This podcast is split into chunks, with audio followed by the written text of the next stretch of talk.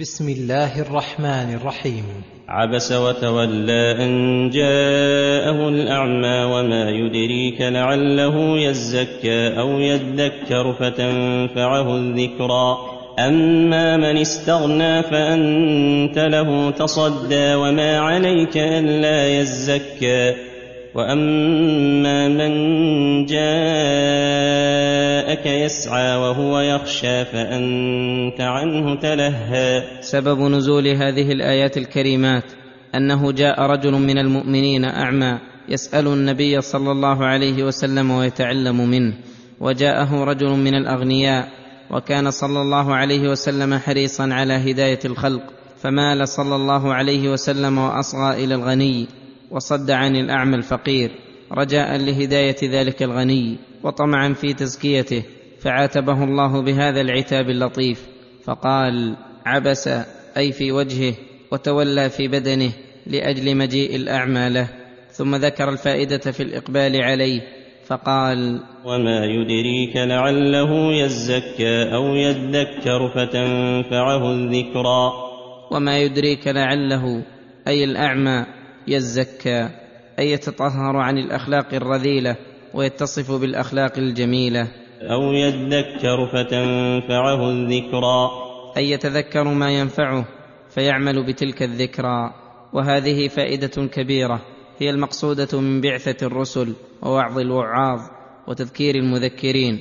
فإقبالك على من جاء بنفسه مفتقرا لذلك منك هو الأليق الواجب. وأما تصديك وتعرضك للغني المستغني الذي لا يسأل ولا يستفتي لعدم رغبته في الخير مع تركك من هو أهم منه فإنه لا ينبغي لك فإنه ليس عليك ألا يزكى فلو لم يتزكى فلست بمحاسب على ما عمله من الشر.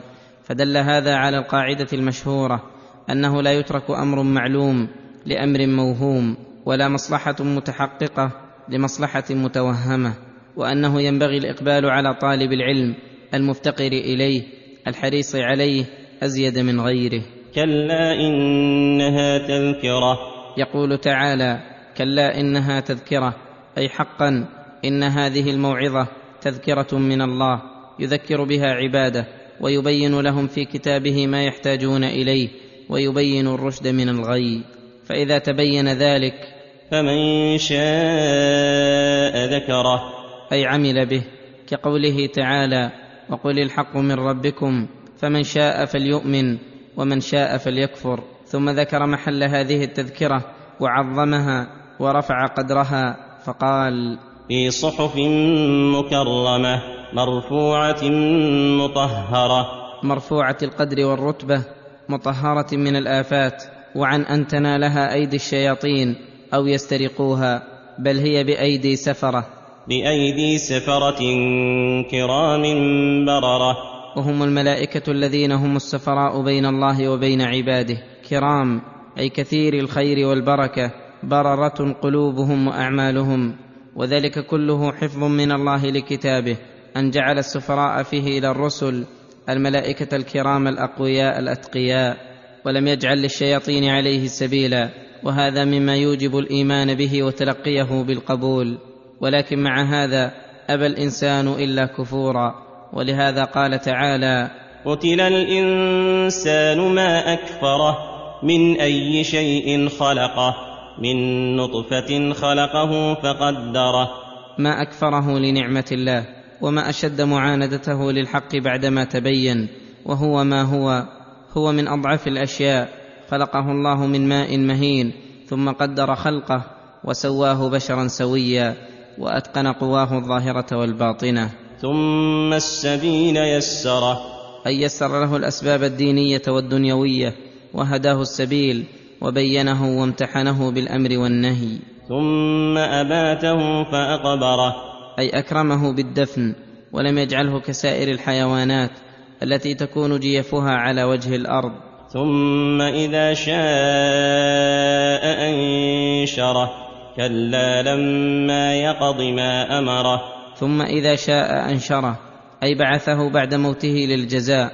فالله هو المنفرد بتدبير الإنسان وتصريفه بهذه التصاريف. لم يشاركه فيه مشارك وهو مع هذا لا يقوم بما أمره الله ولم يقض ما فرضه عليه بل لا يزال مقصرا تحت الطلب.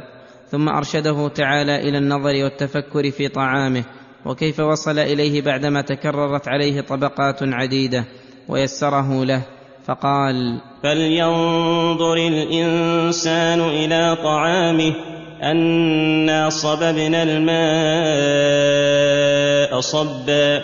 أي أنزلنا المطر على الأرض بكثرة. ثم شققنا الأرض شقا. ثم شققنا الأرض للنبات شقا. فأنبتنا فيها حبا وعنبا وقضبا وزيتونا ونخلا. فأنبتنا فيها أصنافا مصنفة من أنواع الأطعمة اللذيذة والأقوات الشهية حبا وهذا شامل لسائر الحبوب على اختلاف أصنافها وعنبا وقضبا وهو القت. وزيتونا ونخلا. وخص هذه الأربعة لكثرة فوائدها ومنافعها. وحدائق غلبا وفاكهة وأبا متاعا لكم ولأنعامكم. وحدائق غلبا أي بساتين فيها الأشجار الكثيرة الملتفة وفاكهة وأبا. الفاكهة ما يتفكه فيه الإنسان من تين وعنب وخوخ ورمان وغير ذلك. والأب ما تأكله البهائم والأنعام ولهذا قال متاعا لكم ولأنعامكم. التي خلقها الله وسخرها لكم فمن نظر في هذه النعم أوجب له ذلك شكر ربه وبذل الجهد في الإنابة إليه والإقبال على طاعته والتصديق بأخباره. فإذا جاءت الصاخة أي إذا جاءت صيحة القيامة التي تصخ لهولها الأسماع وتنزعج لها الأفئدة يومئذ مما يرى الناس من الأهوال وشدة الحاجة لسالف الأعمال. يوم يفر المرء من أخيه. يفر المرء من أعز الناس إليه وأشفقهم لديه. من أخيه وأمه وأبيه وصاحبته وبنيه. وصاحبته أي زوجته وبنيه. وذلك لأنه لكل امرئ منهم يومئذ شأن يغنيه. أي قد أشغلته نفسه واهتم لفكاكها ولم يكن له التفات إلى غيرها فحينئذ ينقسم الخلق إلى فريقين سعداء وأشقياء. فأما السعداء فوجوههم يومئذ مسفرة. وجوه يومئذ مسفرة. أي قد ظهر فيها السرور والبهجة مما عرفوا من نجاتهم وفوزهم بالنعيم. ضاحكة مستبشرة ووجوه يومئذ عليها غبرة ترهقها قترة. ووجوه الأشقياء يومئذ عليها غبرة ترهقها أي تغشاها قترة.